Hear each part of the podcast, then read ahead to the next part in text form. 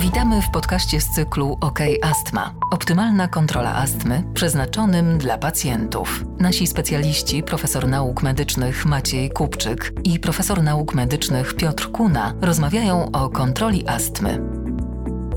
Odcinek trzeci. Jak zapobiegać zaostrzeniom astmy?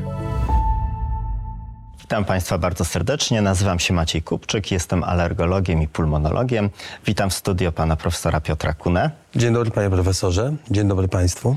Proszę Państwa, jak zapobiegać zaostrzeniom astmy oskrzelowej? Y, wiemy, proszę Państwa, bardzo dobrze, że astma oskrzelowa jest chorobą o zmiennym przebiegu, która przebiega z okresami tak naprawdę dobrostanu. Wtedy czujemy się bardzo dobrze, nasilenie objawów jest niewielkie, ale mamy również okresy zaostrzeń choroby, czyli nasilenia dolegliwości. Wtedy odczuwamy większą duszność, kaszel, pojawiają się świsty w klatce piersiowej, nie możemy spać w nocy z powodu duszności. Najczęstsze przyczyny utraty kontroli nad astmą to infekcje wirusowe, narażenie na alergeny, narażenie na zanieczyszczenie powietrza lub nagłe przerwanie leków dotychczas stosowanych, które nam dobrze opanowywały chorobę. Nie warto nagle przerywać skutecznego leczenia. Panie profesorze, czym są zaostrzenia astmy? Jakie są czynniki je wyzwalające? No, jeśli patrzymy na zaostrzenie astmy, to tak naprawdę to jest y, każde pogorszenie lub nasilenie objawów, które wymaga od pacjenta zwiększenia leczenia, które normalnie stosuje. Czy to leczenia objawowego, czy leczenia przeciwzapalnego. Te zaostrzenia oczywiście dzielimy na łagodne, umiarkowane i ciężkie, w zależności od tego, jakich leków użyjemy do opanowania. Jeżeli idziemy do szpitala, idziemy na SOR, to jest to zawsze ciężkie zaostrzenie. Jeżeli musimy wziąć sterydy systemowe, to jest to zawsze ciężkie zaostrzenie.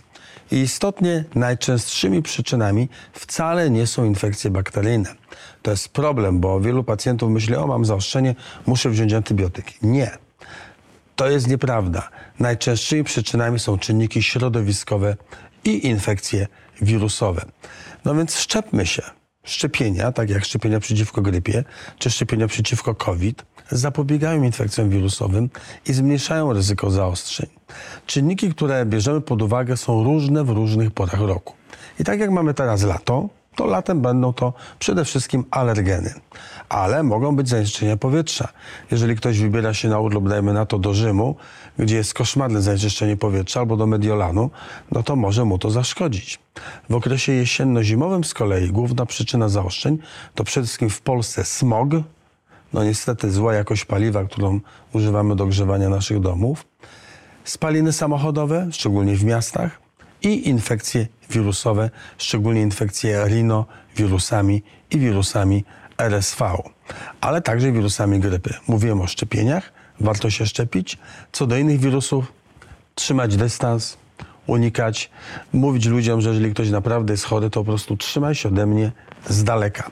I uwaga, i brać systematycznie leki leczące astmę, bo najlepszym gwarantem uniknięcia zaostrzenia jest dobre leczenie astmy skrzelowej i systematyczne branie leków. Im dłużej będziemy się dobrze leczyli, będziemy bez dolegliwości, tym większa szansa, że nie dojdzie do zaostrzenia choroby. Oczywiście są inne elementy, takie jak chociażby stres, problemy w życiu, które każdy może spotkać, ale to mogę powiedzieć, że każdy chory doskonale wie, co mu szkodzi, tylko powinien bacznie obserwować i unikać tego, co mu szkodzi. Dokładnie tak. Mm, proszę Państwa, my bardzo dobrze wiemy z punktu widzenia lekarzy, którzy opiekują się pacjentami z rozpoznaniem astmy skrzelowej, że ci pacjenci, u których wdrażamy dobre leczenie, wracają później do nas i mówią nam, że oni rzadziej chorują. Te infekcje zdarzają się rzadziej, mniejsze jest ryzyko wystąpienia zaostrzenia choroby. Więc dobre, podstawowe leczenie astmy skrzelowej zmniejsza ryzyko zaostrzenia. Bardzo ważnym aspektem praktycznym jest też to, że cały czas żyjemy pod presją pandemii COVID-19. Warto wiedzieć, proszę Państwa, że astma i alergie nie są tak naprawdę istotnym czynnikiem ryzyka zarażenia się koronawirusem czy ciężkiego przebiegu tej infekcji. To nie jest jeden z czynników podstawowych etiologicznych, czyli odpowiedzialnych za zaostrzenie w przebiegu astmy oskrzelowej. Więc nasi pacjenci, którzy stosują leki systematycznie, mają dostęp do leków ziewnych, to tutaj to ryzyko występuje wystąpienia zaostrzenia w przypadku infekcji zakażenia koronawirusem nie jest wysokie. Unikajmy narażenia na alergeny, unikajmy, mm, jeśli jest to możliwe, unikajmy zanieczyszczenia powietrza, zmniejszy nam to ryzyko wystąpienia zaostrzenia choroby. Mamy dla pacjentów, którzy są alergikami, mamy tutaj dostęp do publikowanych informacji dotyczących tego, jakie jest stężenie, jaki jest poziom pyłków w naszym otoczeniu. Warto to monitorować i śledzić. Możemy się przygotować do sezonu alergicznego. Wczesne zastosowanie leków przeciwalergicznych zmniejsza również ryzyko nasilenia objawów współistniejących chorób alergicznych, nieżytu błony śluzowej nosa, czyli kataru siennego, zapalenia spojówek czy astmy sezonowej. Tak? Tutaj dostosowanie leków na wczesnym etapie alergii jest bardzo ważne. Może nam pomóc w tym dzienniczek, który przyśle nam alerty, że zbliża się szczyt sezonu pylenia. Warto do tego być e, przystosowanym, przygotowanym. Jakie są czynniki ryzyka wystąpienia zaostrzenia astmy oskrzelowej, panie profesorze? Jeżeli patrzymy na czynniki ryzyka tak z punktu widzenia pacjenta, no to przede wszystkim to, jeżeli ja swojej astmy nie będę dobrze leczył. To jest numer jeden. Numer dwa, niskie wartości w badaniach spirometrycznych. To również świadczy o tym, że nasza astma tak naprawdę nie jest dobrze leczona, powinniśmy to poprawić. Także nasza historia. Jeżeli mamy często zaostrzenia, no to możemy się spodziewać, że niestety jesteśmy w grupie wysokiego ryzyka kolejnych zaostrzeń.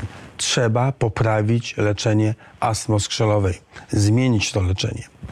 I to są te główne, ale także duża zmienność wahań czynności płuc. Są pacjenci, którzy mają, czasami fatalnie się czują, czasami doskonale, czyli ta labilność, e, ona także sprzyja niestety częstym zaostrzeniom.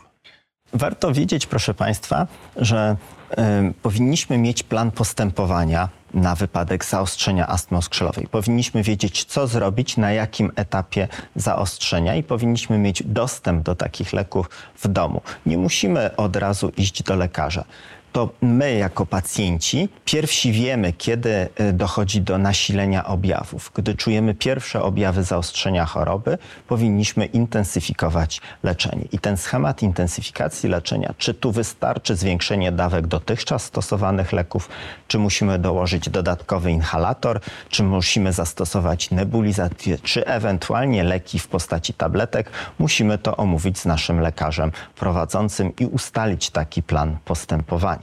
Mamy też pewne schematy, które rzeczywiście mówią, zażyj lek ratunkowy w przypadku nagłego wystąpienia duszności, ale ta intensyfikacja leczenia jest bardzo ważna. Oczywiście pojawia się pytanie, kiedy szukać pomocy pogotowia ratunkowego, czy kiedy udać się na SOR.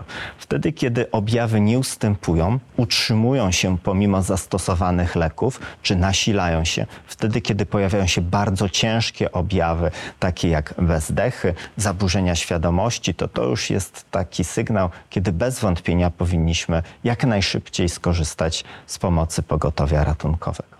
Warto też wiedzieć, że wczesna interwencja, czyli wtedy, kiedy wdrożymy leczenie sami na jak najwcześniejszym etapie rozwoju tego zaostrzenia, jest najbardziej skuteczna. Zmniejsza nam właśnie ryzyko progresji rozwoju zaostrzenia do ciężkiej postaci w przypadku astmy oskrzelowej. Warto zwrócić uwagę, że takie podstawowe zalecenie, to stosujmy systematycznie leki zgodnie z zaleceniami. Nie przerywajmy nagle skutecznego leczenia. Nagłe przerwanie leków w wielu chorobach przewlekłych, tak samo jak i w astmie oskrzelowej, może doprowadzić do utraty kontroli, zaostrzenia. Pamiętajmy o tym w naszym codziennym życiu. Bardzo dziękujemy Państwu za uwagę. Dziękuję bardzo, do widzenia.